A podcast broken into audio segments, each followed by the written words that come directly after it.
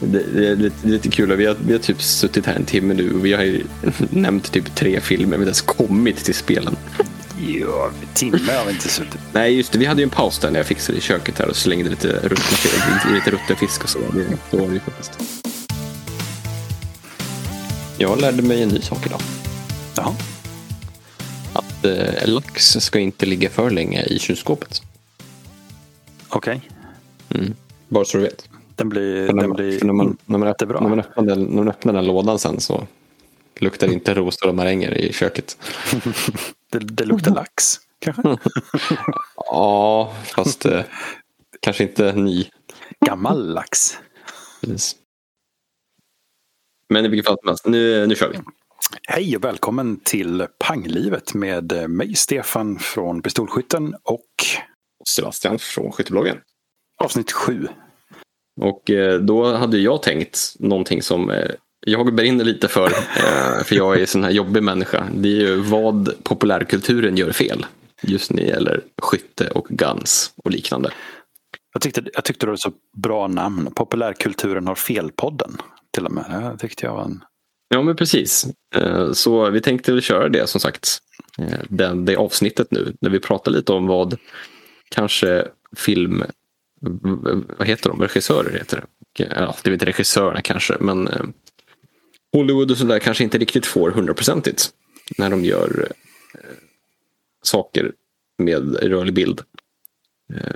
Men det är ju mer i populärkultur. Vi, eh, spel var ju någonting som du eh, hade nära om hjärtat. Ja, men, ja men precis, det är, det är väl där jag är lite mer van. Eh, jag, jag har faktiskt suttit nu i två dagar och tittat lite på olika skyttescener och sånt i film. Mm.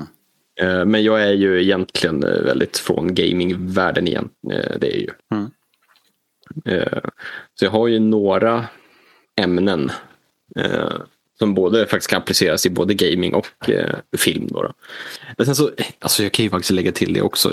Jag är inte jättetaktiskt utbildad. Jag har inte varit med i SS, jag har inte varit med i Soggen. Jag är inte, jag är inte insatspolis. Så jag har ju faktiskt bara läst till mig och tittat. Jag har läst och eh, många intervjuer. Jag tittar väldigt mycket på intervjuer och lite hur proffsen tränar. Det är det jag har som referens. Så att vissa saker jag säger är säkert fel för det som, som nu ni som lyssnar som är med i Soggen. Eh, så eh, bara som ni vet det. Så jag är, in, jag är liksom inte ett proffs, jag är lekman.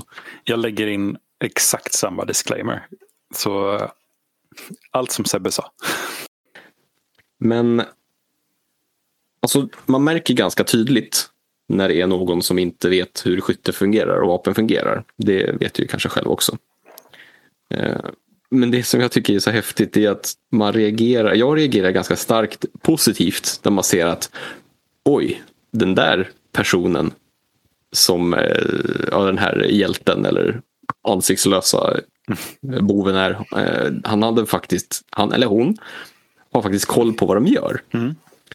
Och ett sånt exempel, nu kommer, jag kommer börja med lite film. Kan vi ta den bra exempellistan då? Så vi, där, där det fungerar bra. Så vi har en... ehm, Ja, men precis. Topp. Jag, har, jag har fyra filmer. Jag har inte lyckats få ihop fem. Men jag, jag tänker Ja. fyra. Det jag tycker ändå Ja, jag har ju egentligen en serie, eller en serie av filmer. Och sen, eh, sen har jag några exempel som jag tycker är okej, absolut. Okej. Men det här tycker jag är riktigt bra. Mm. Och det är ju som precis alla andra på internet, det är John Wick-filmerna. Mm. Eh, För han, Keanu Reeves, han, han har ju faktiskt, han är ju jätteduktig dynamisk skytt. Om man inte har sett det. Jag såg det igår första gången. Angående det här Mm. med dynamisk skytt. Jag såg hans träning där med Terran Tactical. Och Ja, precis. ja, men det, det syns. Alltså, det, träning, det finns ju liksom. Det finns där. Det, det är inte bara for show. Utan, Eh, jo men exakt. Men, men, eh, han, han har ju filmat lite när han hade övat. Mm.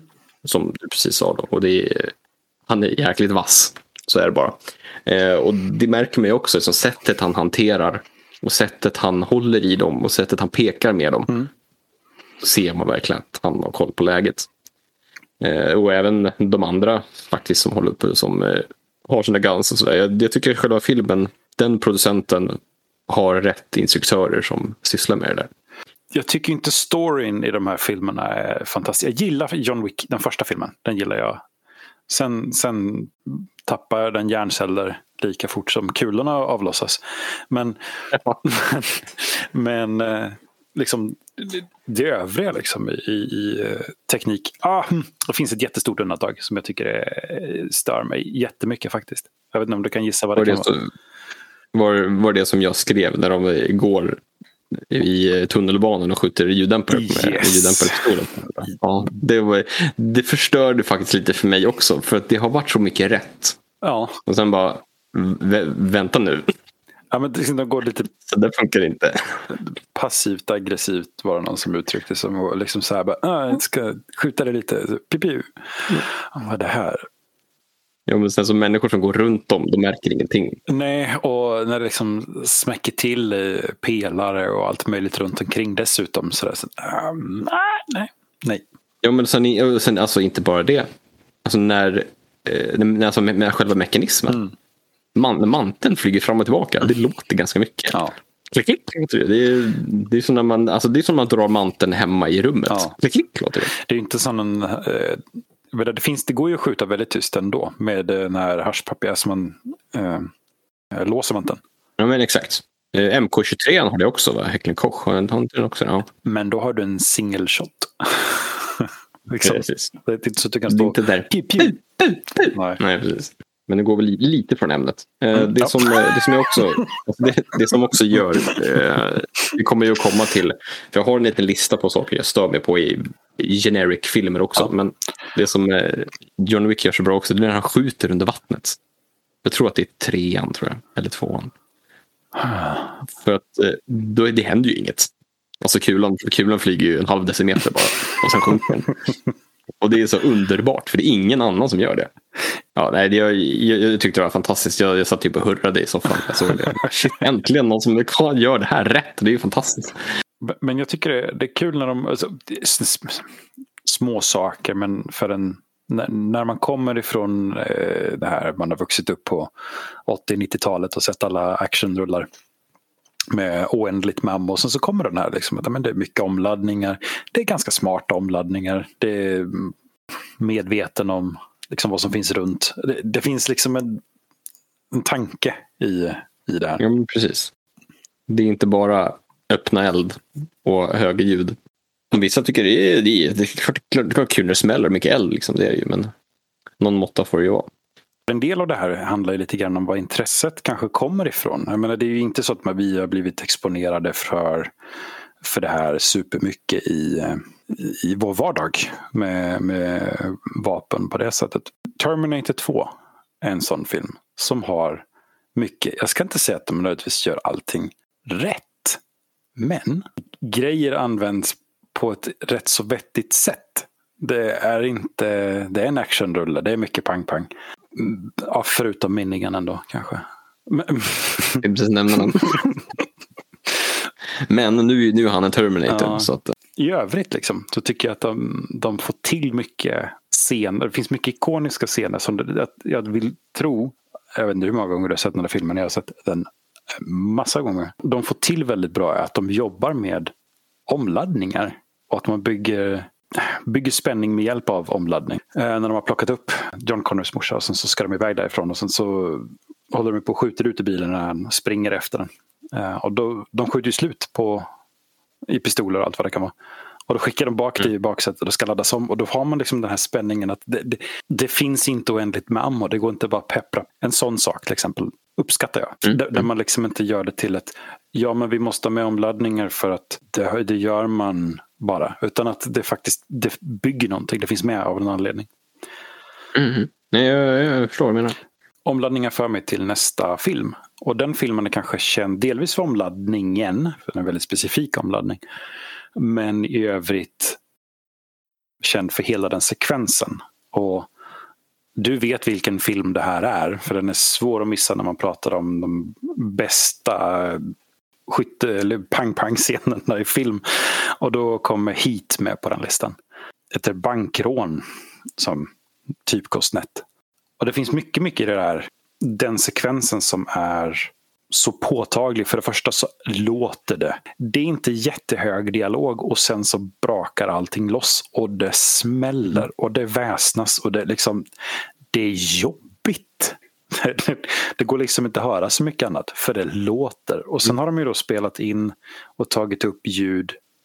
I en del, delvis i film så lägger man ju till det ljud efteråt. Man kan kontrollera det lite grann. Men här har de ju tagit upp ljud från den faktiska platsen när de har skjutit med sina lösplugg och allt sånt där. Mm. Vilket betyder att du får med hela stadens eko tillbaka in i. Mm, precis. Sen har de ju teknikträning. De tränade ju med eh, SAS, eh, SAS, mm -hmm. eh, Special Air Service från Storbritannien. Så tränar de ju eh, gamla eh, ex-operatives där. Ja, just det. De, ja, de hade ju någon eh, instruktör där, eller vad det heter. Teknik, mm. träning, hur de riktar. De, de siktar, de använder riktmedlen på vapnen. De, alltså hela hanteringen. Eh, tydligen den här omladdningen som, eh, ja, vad heter han, Val Kilmer gör. Eh, hävdas att den används som eh, man visar, mm. liksom, för tala om för så här, det här är ett bra exempel på en i combat omladdning. Och så kan man titta på det och tänka att ja, men de skjuter, de mm. träffar ingenting. Nej, och det är också nästa del, att det, tanken att det ska vara suppressive fire. Att man liksom trycker ner poliserna under sina, eller bakom sina polisbilar så att hans kumpaner kan sticka iväg. Så själv, hela den här sekvensen full av Precis. Någon som har tänkt till, kollat med experter hur fungerar det. Jag skulle nog våga påstå att folk som är in the know uppskattade mycket, mycket mer än de som inte har en aning. För för dem är det en, en, eh, en actionscen mm. men som ibland gör lite ologiska saker för att det verkar ologiskt för att man är van vid actionfilm. Um, men vad heter han? Jag har glömt bort vad regissören heter. Man är James Mann. Michael Mann. Michael Mann. Så mm. Michael Mann har gjort en till film. Och det är Collateral. Har du sett den? Det är med Tompan va? Ja, Tom Cruise. Eh, alltså jag, jag, vet att jag såg den för hundra år sedan och jag minns ju hans Mozambique-grej när han eh, skjuter det... två gubbar. Ja. Alltså det här med att vara en, eh, en eh, no-name henchman för bov, det är, det är fan inte lätt alltså. alltså bad guy nummer fem. Ja. Även här så hade de en uh, SAS, SAS-instruktör då som um, det de tränar, de tränat med, med live-ammo. Vilket då gör att mentalt sätter man sig lite i en annan zon. Så vad är det jag mm. gör och hur fungerar det? Så Tom Cruise har ju verkligen satt sig in i hur gör man det här på ett, på ett bra sätt. Om vi går tillbaka till hit då. Mm. Eh, så eh, jag kollade på den scenen igår kväll. Mm. Och eh, jag reagerade faktiskt på jäklar vad det låter. Mm. Alltså det, hela, hela tiden. Och som sagt, det, det, det är bra ljud för en gångs skull. Det, det låter ju riktigt, riktigt realistiskt. Det gör det. Och något som jag också... Ja, förlåt. Det är tio minuter långt vill jag bara inflika det. Så det är exakt, också exakt. helt galet. Så ni, får, ni får varna grannarna innan ni lyssnar på ert hemmabiosystem när ni kör hit. Kan jag säga. Annars kan man ringa polisen. Mm. Det som jag också uppskattar med hit som nörd. Mm. Det är att de har väldigt många roliga guns med. Ja. Som man inte riktigt ser i andra. Mm. Som deras korta till exempel eh, Colt karbin som eh, både Val Kilmer och heter Robert De Niro springer runt med. Jag tror han också har något sånt. Sån Colt 733. Mm. Sån Colt Commando liknande. Det är också någonting man inte ser i tidigare. Jag bara, oh, men, men en sån. Ja, men den har mycket. Och, absolut. Och Al Pacino, han, han springer med en, FN, eh, en FNC. Mm. Alltså en AK5. Mm. och det också, ja, men, vilken film ser man det? Liksom?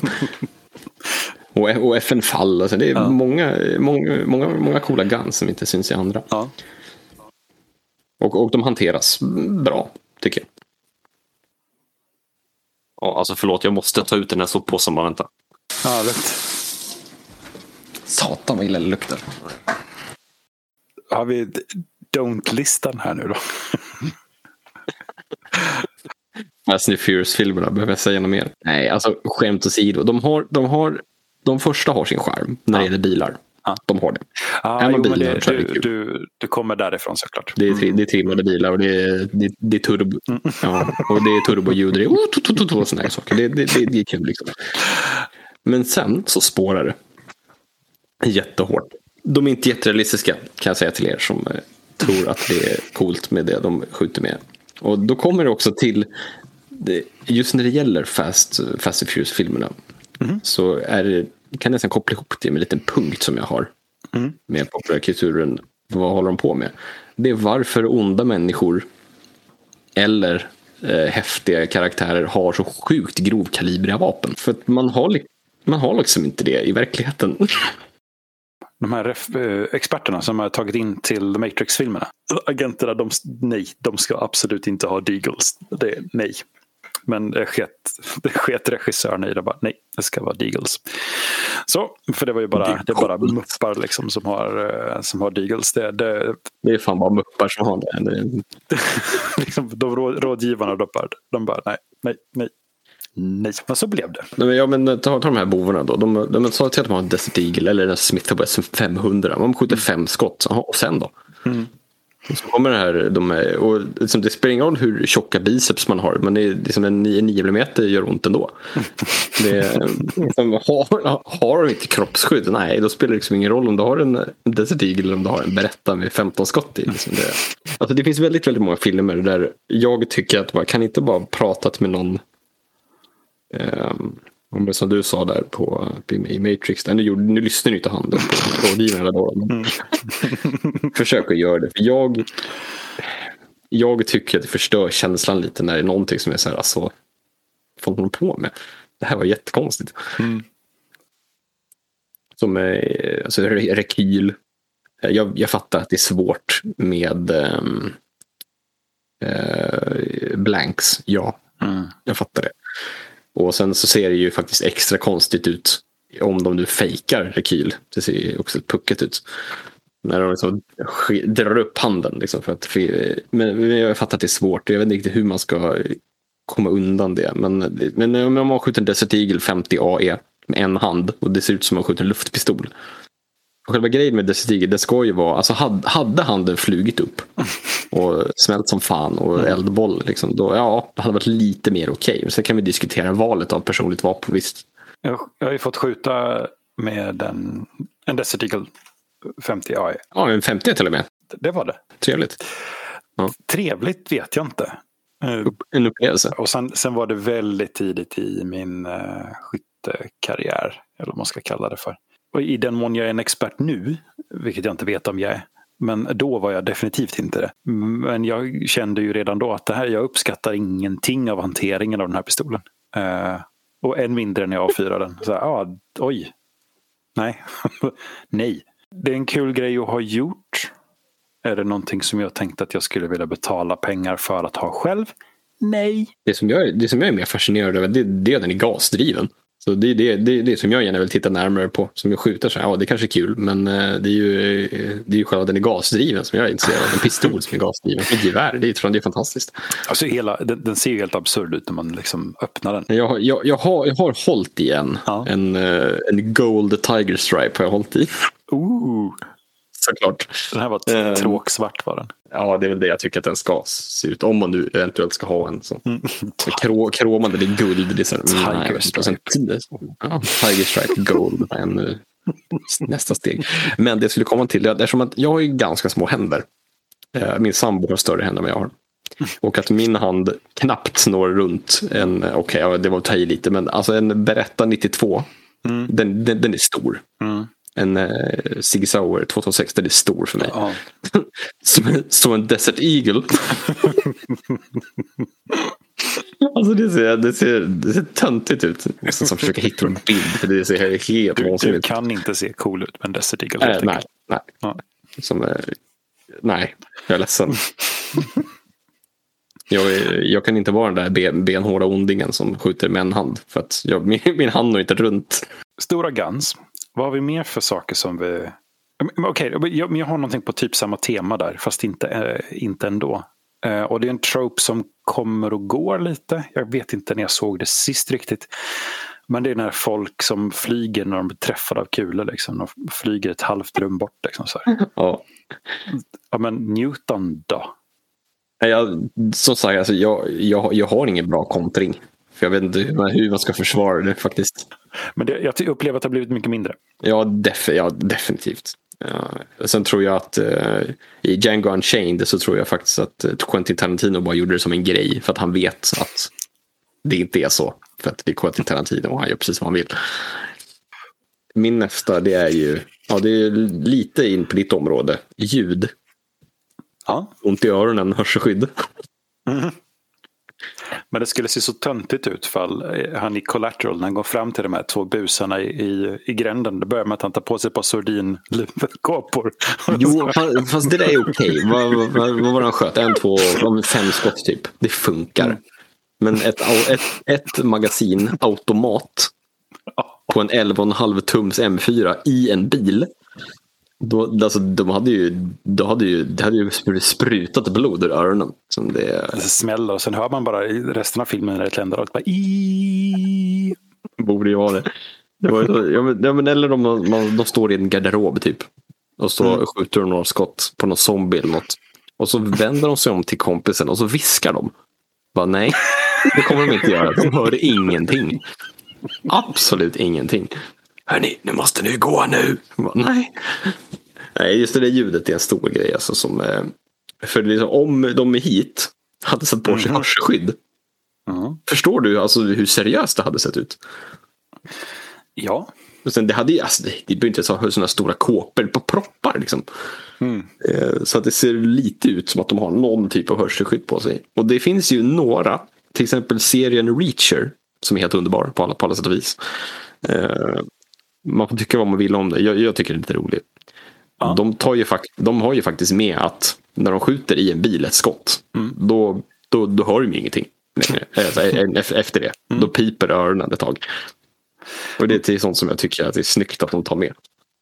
Black Hawk Down har ju också någon sån sekvens när eh, det är Tom Hardy, en av hans första roller, när han är KSP-skytt. Och han eh, han bränner av ett halvt mag KSP 58 bredvid öronen på en kille och ja. han blir döv. Ja. Totalt. Och det är så här, ja, det hade man ju blivit. Mm. men, eh, men hade det varit eh, Fast and Furious så hade de bara viskat till varandra efteråt. det här behöver vi inte göra nästa gång kanske. Sådana saker. Men du, på tal om ljud. För det finns ju någonting annat med ljud som jag tycker är ett himla otyg när man ska mantla. Bara för att man ska visa att nu, nu menar jag allvar. Så därför mantlar jag med ett vapen. Ja. Så nu, nu tömmer du magasinet långsamt genom utkastet. Det är bra. Mm. Men också, och den är, den, den är en sån där obvious och vanlig trope, men det här klick, klick, klick med en single action pistol eller med en striker fire pistol. Sådär. Ah, jag har slut på ammo. Så jag kramar av tryckarna och så låter det klick, klick, klick från mm. hammaren. Nej, det, det snodde den från min lista faktiskt. Oh. Eller, eller, eller, om det är ett automatvapen. Klick, klick, klick, klick, klick låter det. Mm. Nope. Nej.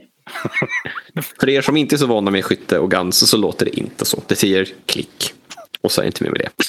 Eller, eller när skottet är slut och manteln är upphakad och det låter klick ändå. Ooh.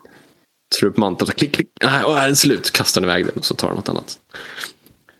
Det är också något som jag stör lite på. Men det är, för det är så, alltså, enkla grejer att, alltså varför har man det? Det är så enkla grejer att inte ha med. Och det känns mycket bättre. Jag vet inte. För, det, alltså, för alltså ett klick är ju, räcker, räcker inte det? Eller måste du ha fler för att veta att det är slut? Jag vet inte. Det är väl en, en sekvens i någon av de här nya Bond-filmerna när får slut på att sula pistolen istället. Tycker jag. Ja, men precis. Det, det, det, är en bra lösning liksom. Nej, ja. Ja. Istället för att stå där och bara klick, klick, klick, klick. Ja, det funkar. Nej, så. Klick, äh, slut. Ja, precis. Ja, man, alltså, sån där uh, stilframe-picken mm. är tung. Den kan man kasta hårt. Så ja, det är definitivt någonting som... Eh, alltså, om, är det någon producent som lyssnar på det här så du får jättegärna anlita mig. Det är fullt det med Hollywood-producenter jag... som laddar ner vår podcast. Du anar inte. Ja, just det. Det, det glömde jag faktiskt nämna. En eh, kanske kan klippa in det någonstans eller någonting. Men någon, innan jag glömmer det här. Någon som jag. Eh, jag är, eh, vissa skrattar åt det, men jag är lite av en Johan Falk, eh, eller Johan Falk-fan. Och eh, han, vad nu kommer jag fan inte ihåg vad han hette tyvärr, eh, skådespelaren, eh, Jakob någonting. Eh, han, han kan faktiskt rikta och hantera en pistol, har jag märkt. För sättet han hanterar den och pekar med den och skjuter med den. Så har han verkligen tränat. Som skjuter med en hand, då är den lite, lite kantad på sidan liksom, för att fånga upp rekylen mm. rätt. Uh, han håller rätt med händerna. Och det, det gillar jag. Dels att jag tycker att serien är ganska bra mm. faktiskt. Så tycker jag att det är extra bra. Att fan, här har de, här har de tänkt mm. till. För han, han ska ju, han, han, i den världen så är han en gammal, jag tror han är kustjägare eller någonting. Gammal kustjägare. Och sen, åh han, han är en gammal elitsoldat så det är därför det ser ut så här. Det kan vara så att han är helt vanlig sportskytt också. Men, eh, det, det, det, tycker jag de gör bra faktiskt. Mm, men eh, spel, om du vill. Sh shoot. men det är ju också... Det är också något som blivit väldigt mycket bättre. Eh, faktiskt. Ja. Eh, sen jag fick barn så inte jag gameat jättemycket. Jag är ju uppvuxen med Counter-Strike, eh, lite Arma. Mm. Förlåt, mycket Arma. Lite, lite Counter-Strike. Ja. Eh, en hel del kod. Eh, det är typ det jag har gameat mest i alla fall. Och eh, en sak som jag tycker om, om man, om man går tillbaka till Battlefield 2, tycker jag är det bästa Battlefieldet. Eh, tycker ty tycker vad man vill. För där har de kvar det som jag, tyck, som jag uppskattar väldigt mycket i Arma och de här eh, nya också. Vet du, Ground Branch och eh, Squad och de här. Det är att du byter, om du byter mag. Ja. Då är magget borta.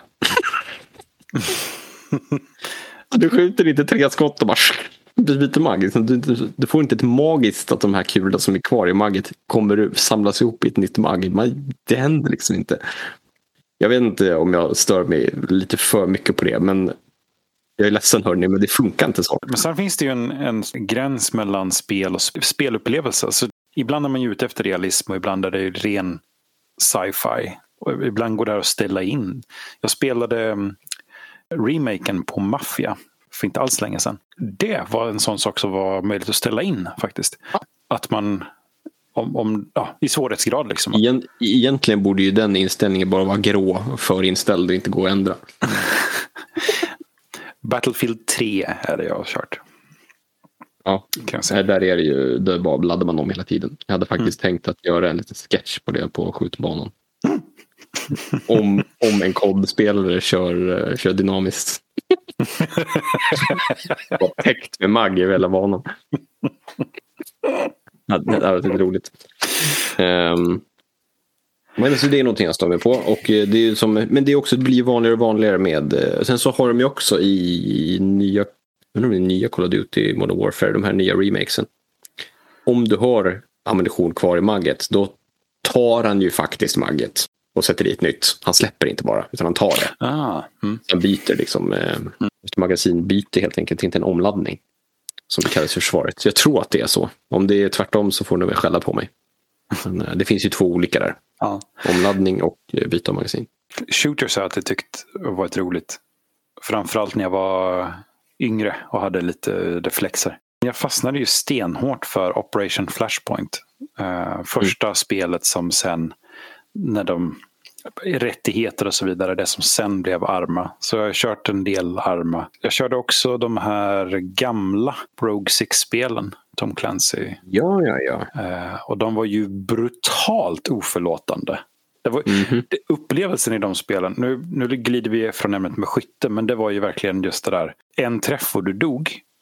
Mm. Så man blev ju väldigt försiktig och tänkte igenom väldigt mycket mer hur man använde omgivningen eller hur man sköt och när man skulle skjuta. För att sköt man så visste ju folk var man var och så dog man. Så, så det är inte det när man får en, en kulkärve från en KSP och det blir lite rött runt skärmen och bara lägger sig bakom en sten och Mm. Ja. Alltså, ja, men nu har det röda försvunnit här, det fejdar ut. Mm. Så nu kan jag ut och springa igen.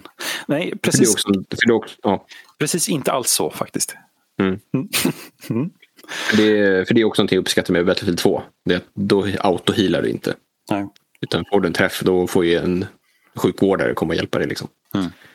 Eh, sen ska vi inte ens prata om armar där eh, varje kula är eh, en simulering i sig. Det är helt vansinnigt vad avancerat det där är. När det är olika material, kaliber, utgångshastighet, vad det är för typ av kula, vad är det för gevär. Liksom det är, det är en riktig simulator, tycker jag. Det, det jag också märkte när man körde mycket arma, när man körde på riktigt seriösa servrar. Där man hade, när man hade folk som sköt artilleri och de hade, hade flygunderstöd och sådär. Det är att ditt personliga ändhalvapen, det, det, liksom, det används inte så mycket. Vad ska, vad ska med den till liksom? Så det körde jag väldigt, väldigt mycket. Men jag är ju lite sån nörd. Det är ju samma sak att eh, jag spelar ju väldigt mycket Silent Hunter. Nu har inte det någonting med skytte att göra överhuvudtaget. Ubåtsspel. Ja. Mm. Det har jag också kört extremt mycket. Så det var ju otroligt spännande att bara titta på en karta med lite blyertsstreck i flera timmar. Det är underbart. Men jag, jag är lite konstig. Så här. Det finns ju vissa som vill ha det här snabba. Jag fattar det också. Men ha det snabba kod, Counter-Strike och sådär. Så det absolut. Men då, alltså, det, det, är fortfarande fel. Men jag kan ju respektera på något sätt att de vill ha det lite snabbare och inte vill ha det här überrealistiska. Det är lite vad man efterfrågar för stunden. Mm. Ja. och vad det man vill ha just, just nu. Jag har ju kört jättemycket Borderlands. Och det är ju bara mm. en shoot and loot-spel. Liksom. Det är vansinnigt roligt men det är ju det är inte många hjärnceller eh, någonstans. Men man har roligt. Men det är väl inte det som är poängen med det heller riktigt? Nej. Det, eh, det, det, det utmåls ju som Arma 4 direkt. Eh, nej. Men hade, vi, eh, hade du fler saker i sp spelvärlden? Eh, ja men typ vikt. Saker är jävligt tunga. Mm. Eh, när, man, när det gäller guns och mm. saker man har på sig.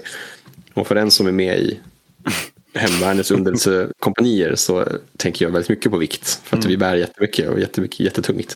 Då är det lite kul när man ser sådana här som, ja men ta kod då. Mm. Du är en super mega dödsoperatör. Mm. Du har två, två KSPs, en RPG med, fyra, med fyra raketer, mm. kroppsskydd.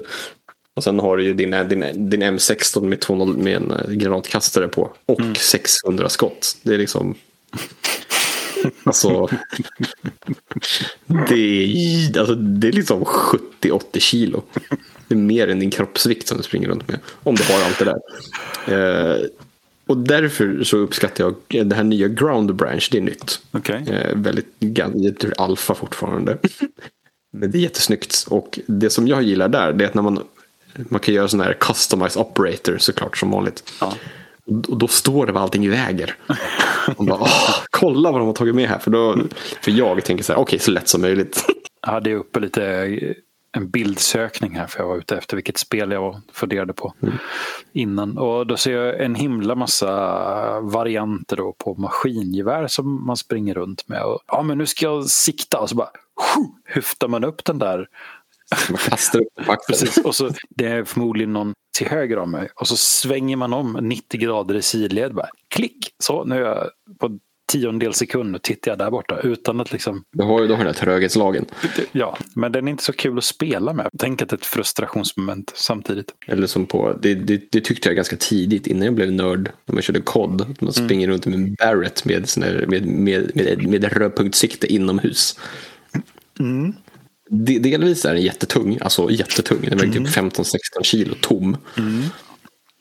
Och, och den är lång jättelång. Så springer den liksom med mot axeln hela tiden. Det är, det är, det är jättejobbigt. Jag har en bild på mig från lumpen där jag fick ett tillfälle. Jag har mm. aldrig, skjutit den. Men okay. jag fick ett tillfälle att ta ett sånt foto. Mm. Så jag har en bild på mig där jag står och eh, har, har lyft den mot axeln. Och vad som inte går att se på bilden såklart är att jag talar om för han som fotar mig. Ta bilden nu för helvete. mellan tänderna. För så jädra tungt det är. Det är helt overkligt vad tungt det var. Och sen ska vi inte ens diskutera att A4 är inomhus. Med den där, med den där eh, kompensatorn som sitter längst fram. Men, eh, eh så det var någonting jag ibland tänkte lite på. att oh, det här var inte jätterealistiskt. Sen kan vi också alltså allmänt bara gå in på att alltså sådana supersoldater som är i kod, det finns inte. Jag är ledsen. Nej, tyvärr. Nej. Alltså, alltså SS och de här, de, de, mm. de ligger i träsk mm. och spanar. Mm. Kanske rensa lite hus ibland, absolut. De är jätteduktiga på det. Men det är ju inte det här ta p-skott och, ren, och rensa mekaniska pansarförband liksom ensam. Nej, det gör man inte. Det, finns, det är faktiskt en, bra, en jättebra film. Jo, det är nog en bra film faktiskt ändå.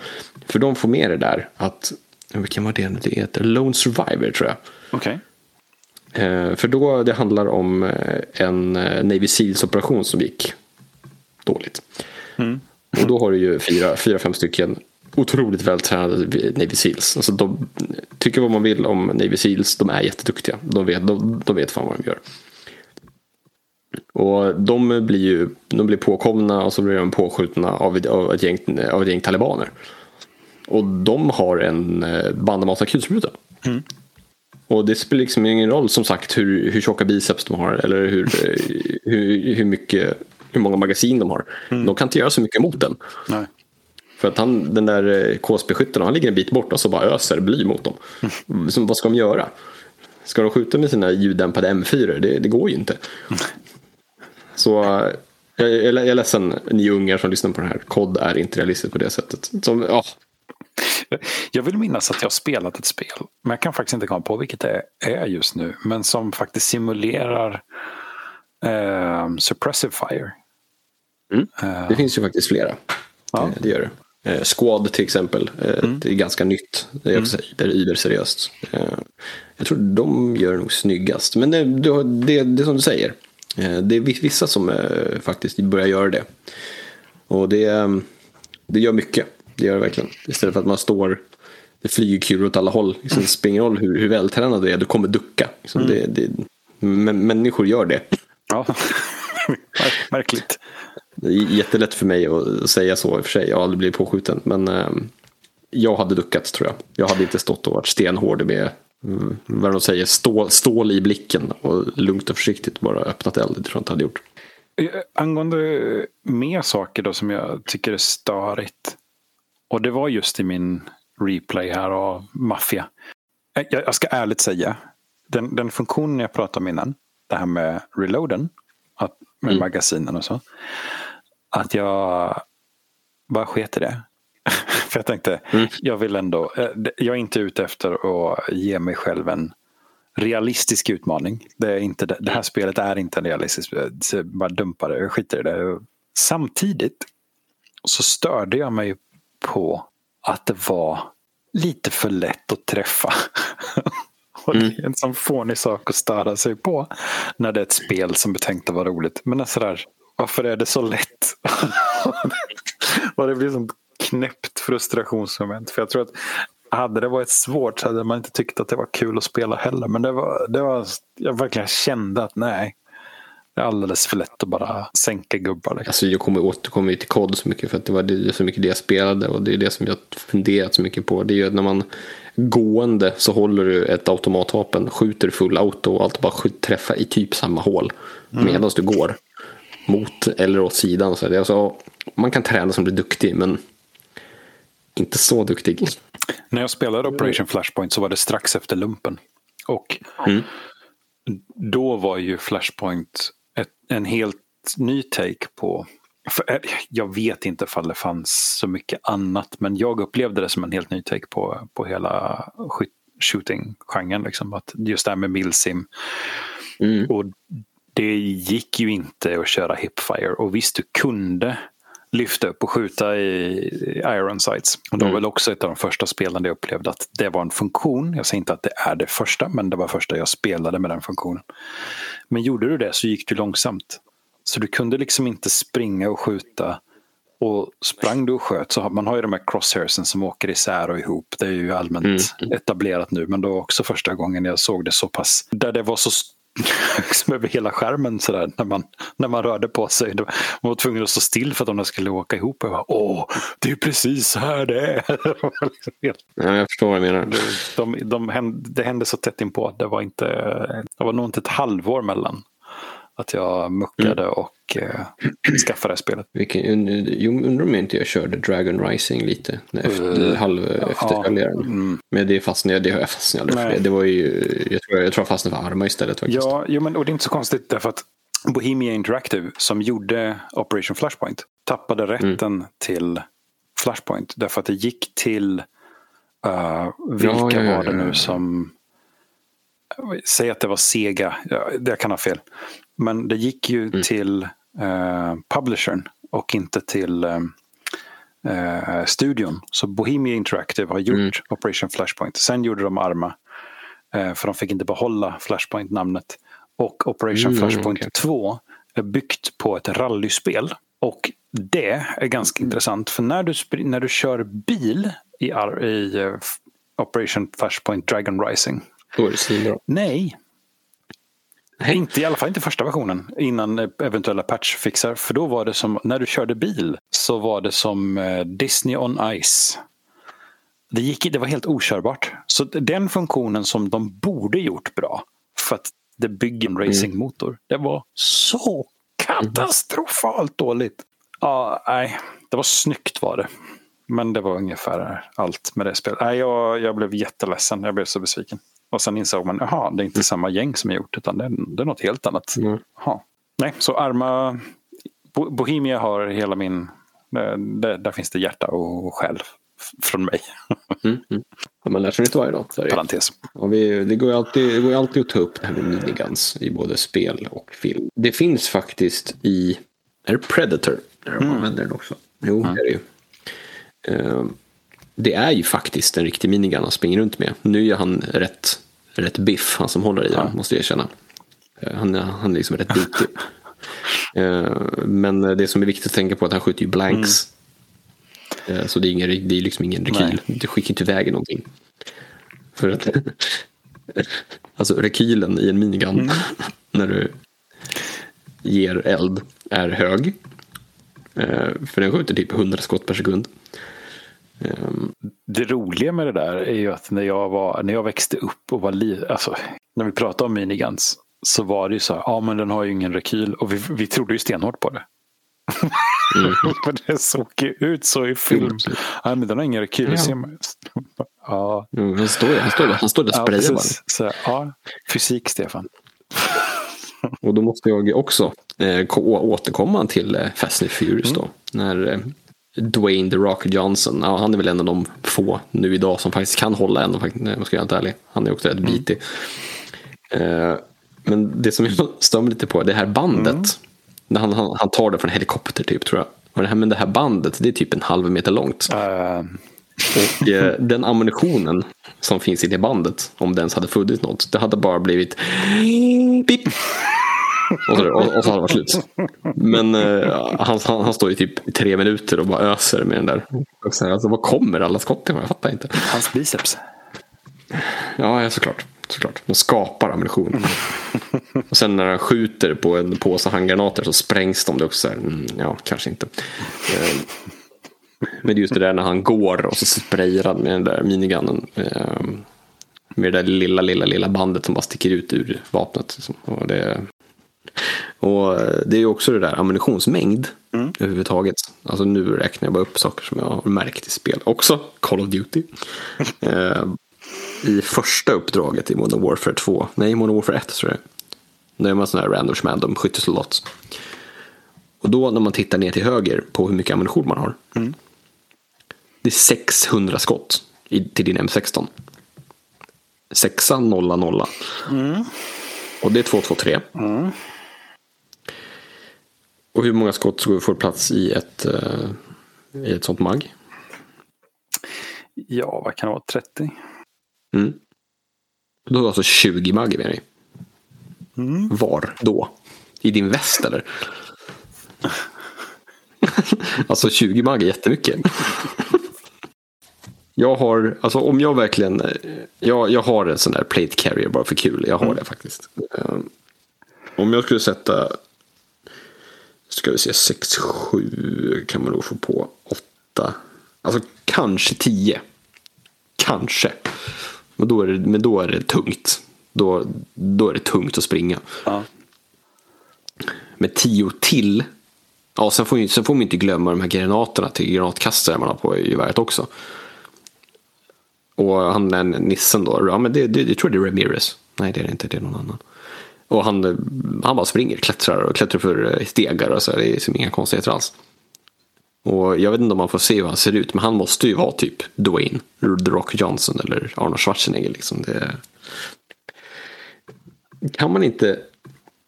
Alltså eftersom att, eftersom att alla gevärs, all gevärsammunition passar ju typ alla gevär på, i kod. Eh, så springer du över ett gevär, då får ju ammo. Mm du behöver, man behöver ju inte ha 600 skott då. För att du hittar ju alltid ammo var den är. Så man, då hade man ju också kunnat kanske ha det lite mer realistiskt där. Men det är också så här, ja, Call of Duty är väl egentligen, tar vi inte heller sig själv på så stort allvar heller. Kanske. Mm. Det är ju mer en arkad-shooter liksom, jag fattar det också. Men... Med dagens ammunitionspris så skulle det bli 3400 kronor i ammunition som du knatar runt med. Då. Ja, då vet vi det också. Men, eh, Vad vi lär oss idag. Ja, ja precis. Men vad kostar det då att skjuta en minigun i... eh, Det är, det är, det är 762. Just det, det är väl 762 i den också. Det är väl inte 556? Ja, du, det är mer än vad jag vet. Det måste jag ärligt säga. Jo, för den vanliga, nej, vanliga, det är ett dåligt ord kanske, men M134 den vanliga, det är 762. Sen finns det en M214 Microgun också, den skjuter 556. Men 762, ja okej, RQ, oh, shit alltså, jag trodde det var 556. Alltså bara den här fallen som vi sköt. Som för övrigt, det, är det var ju faktiskt en riktig L1A1 brittisk eh, surplus Okej. de, den är ju spärrad på semiautomat för de fattar ju att det här är omöjligt att kontrollera. det går liksom inte med fel auto, det är omöjligt. Men då är det ju, ja men äh, betalade vi 400 spänn för en ask? Det var 50. Dyrt. För den skjuter ju, ja, den skjuter ju 6000 skott per minut liksom. Så. Och, men då, det är då när man tänker på de här priserna. Och så finns det, det finns ju en film, den är inte jättegammal, är det från de har ju sån där uh, full auto day i USA någonstans, där Kentucky något sånt där. Då är det någon som har satt fyra midguns på en, eh, på en, på en hytt typ. Och, och de bara håller in avtryckaren. Det säger bara mm, och så är det de tittar på borta. Och det är plånboken också. Och det är också så här, alltså, Aj. alltså det, är det, är 400, det är 400 skott per sekund. En liten avrundning i vad eh, ser vi fram emot i skytteåret 2023? En kort sammanfattning innan vi stänger av detta samtal. Har du någonting som Ja, du tänker på? Ja, jag ser ju fram emot eh, vårt samtal om IVA-mässan eftersom att jag inte kunde komma, eftersom jag inte, inte kommer kunna följa med. Så ser jag lite fram emot det och vad som finns där och eh, vad du kan upptäcka och se. Jag, jag ser fram emot den här mässan. Det ska bli spännande att se och kunna titta på den på ett annat sätt än vi gjorde första gången. Eh, Jag kommer också in i på den med en lite andra eh, nya intressen. Eh, så att jag kommer kunna titta lite utifrån ett PCC-perspektiv. Jag kommer kolla lite mer på eh, Eh, rödpunktssikten och liknande. Så att jag, jag breddar mig lite i vad jag själv är intresserad av att bevaka där. Då vill jag också tillägga att jag är väldigt intresserad av att veta vad ni lyssnare tycker skulle vara intressant att titta på. Det går att undersöka vad det finns för utställare. Vi kanske kan lägga till en länk eh, till vilka som ställer ut där. Men i korthet kan man säga att de flesta ställer ut. Eh, Så om det är något särskilt ni vill att man vill ha något bild på eller fråga om så är det jättevälkommet. Så, så ska jag försöka lösa det. Det är, eh, det är stort och det tar mycket tid att knata runt. Men eh, jag ska göra mitt bästa för att försöka fånga upp det där. Om man har några speciella önskemål. tycker jag var en väldigt bra grej. Att man kan höra av sig till dig då som Mm. kommer åka dit. Kul. Och för, förutom det så, Mm. så ser jag fram emot tävlingar, tävlingar, tävlingar Det ska, tävlingar. det ska bli så för din del nu eller? Ja, jag, jag vill det. Ja. Sen om det blir så med tanke på eh, familjesituationen då som du vet. Eh, så får vi se. Men eh, jag ska verkligen försöka. Jag har suttit och kollat in tävlingskalendern för i år. Och eh, jag har ju ett antal tävlingar som jag känner att jag har, av tradition brukar åka på. Som jag eh, planerar att åka på. Jag mm, tänker nog att jag ska ta mig till A-precision i Malmö. Sen ser jag ju väldigt mycket fram emot SM såklart i Göteborg. Så att det ska jag där har jag aldrig skjutit åt det hållet. här, Så det ska bli kul att se lite grann vilka, vad som kan erbjudas där. Tyvärr kommer jag nog inte hinna kvala mig för fält innan. Mm. Det ska bli intressant att se vad man kan se hur skjutbanorna ser ut där borta. Sen har jag också, alltså det är så många Det är så många guns som vi ska testa och utvärdera. Eh, både från handlare och eh, alltså det är många eh, av er fantastiska följare som har hört av er också att jag har den här häftiga grejen. Skulle ni vilja titta närmare på den? Mm. Och jag kan ju bara säga ja. Men det är så svårt för att det, det måste ju passa för alla med tid och Ja. sådär. Och jag har tyvärr väldigt lite tid. Jag har ganska begränsat när jag kan åka och testa tyvärr. Men eh, för er som har pratat med mig som lyssnar på det här. Vi ska verkligen försöka för några av er har några riktigt roliga grejer. Alltså, jag kommer inte sluta än på ett tag för det finns rätt mycket grejer att testa. Och då har vi inte ens börjat skru, skrapa på eh, utrustning. Alltså röpsikten och eh, allt sånt här. Liksom. Det är ja, galet. Jag har ganska tid. Man skulle egentligen behöva bli rik och så kan man göra det här på heltid. Du, jag såg att du gillar den där grejen från Sportec, den här laddprylen. ja. Såg du, såg du vad den kostade? Det var nog 1100 spänn någonting. Jag tänkte det här är nog inget för nationella skyttar. Herregud. Kul, nice grej. Men sen, sen var det så här, oj vad mycket pengar. Och så kände jag att det Jag här, tror att... Eh, alltså jag är en sån här som tycker att fan, det är bara härda tummarna. Eh, men eh, jag vet att det är några i laget som tycker att eh, det skulle vara skönt. Ja. När man kör i PC och man laddar. Mm. Ja, alltså så fort du inte skjuter då laddar man. Det är det man gör. Ja, precis. Då kanske det skulle uppskattas. Eh, Nej, Jag säger inte att det inte finns en marknad, men det var, det var ja, nej, bara, nej. ah, men shit vilken nice grej. Och så kollade man prislappen och så tänkte jag, ooh, nej. Den här, jag lämnar nog det här testet till någon annan. Lämna, testet till mig. Ni, för, ifall ni lyssnar, kan ni inte skicka en? Så gör vi en schysst film. Så, det säger inte jag att jag behöver behålla den, men det skulle vara kul att testa den. Det skulle det verkligen vara. För så kan alla se hur bra den är. Det är skitbra ju. Så om vi ska summera vad vi ser fram emot 2023 så är det tävlingar. Egentligen. Ja, Gud. det är typ det faktiskt. Det är väl det som är huvudsaken. Sen är det kul och man får ju testa lite också, men det är nog tävlingar som jag ser fram emot mest. Ja. Li- Lite för att det är kul att tävla, men sen är det också för att utveckla mig själv också givetvis. För jag lär mig så otroligt mycket mer eh, på tävlingarna än vad jag gör hemma. Just för som vi sa i ett av de tidiga avsnitten att man får uppleva vad andra gör och ta in andra inputs än vad du gör på hemmabanan. Som du sa så fint i nu, det första avsnittet. Eh, Första väldigt tidigt i alla fall. Men eh, då, jag tänker att vi kanske ska sluta där. tycker jag låter rimligt. Så eh, om inte, nu, nu höll jag på att säga, om inte ni har något annat att säga, det är inte tvåvägsradio här direkt.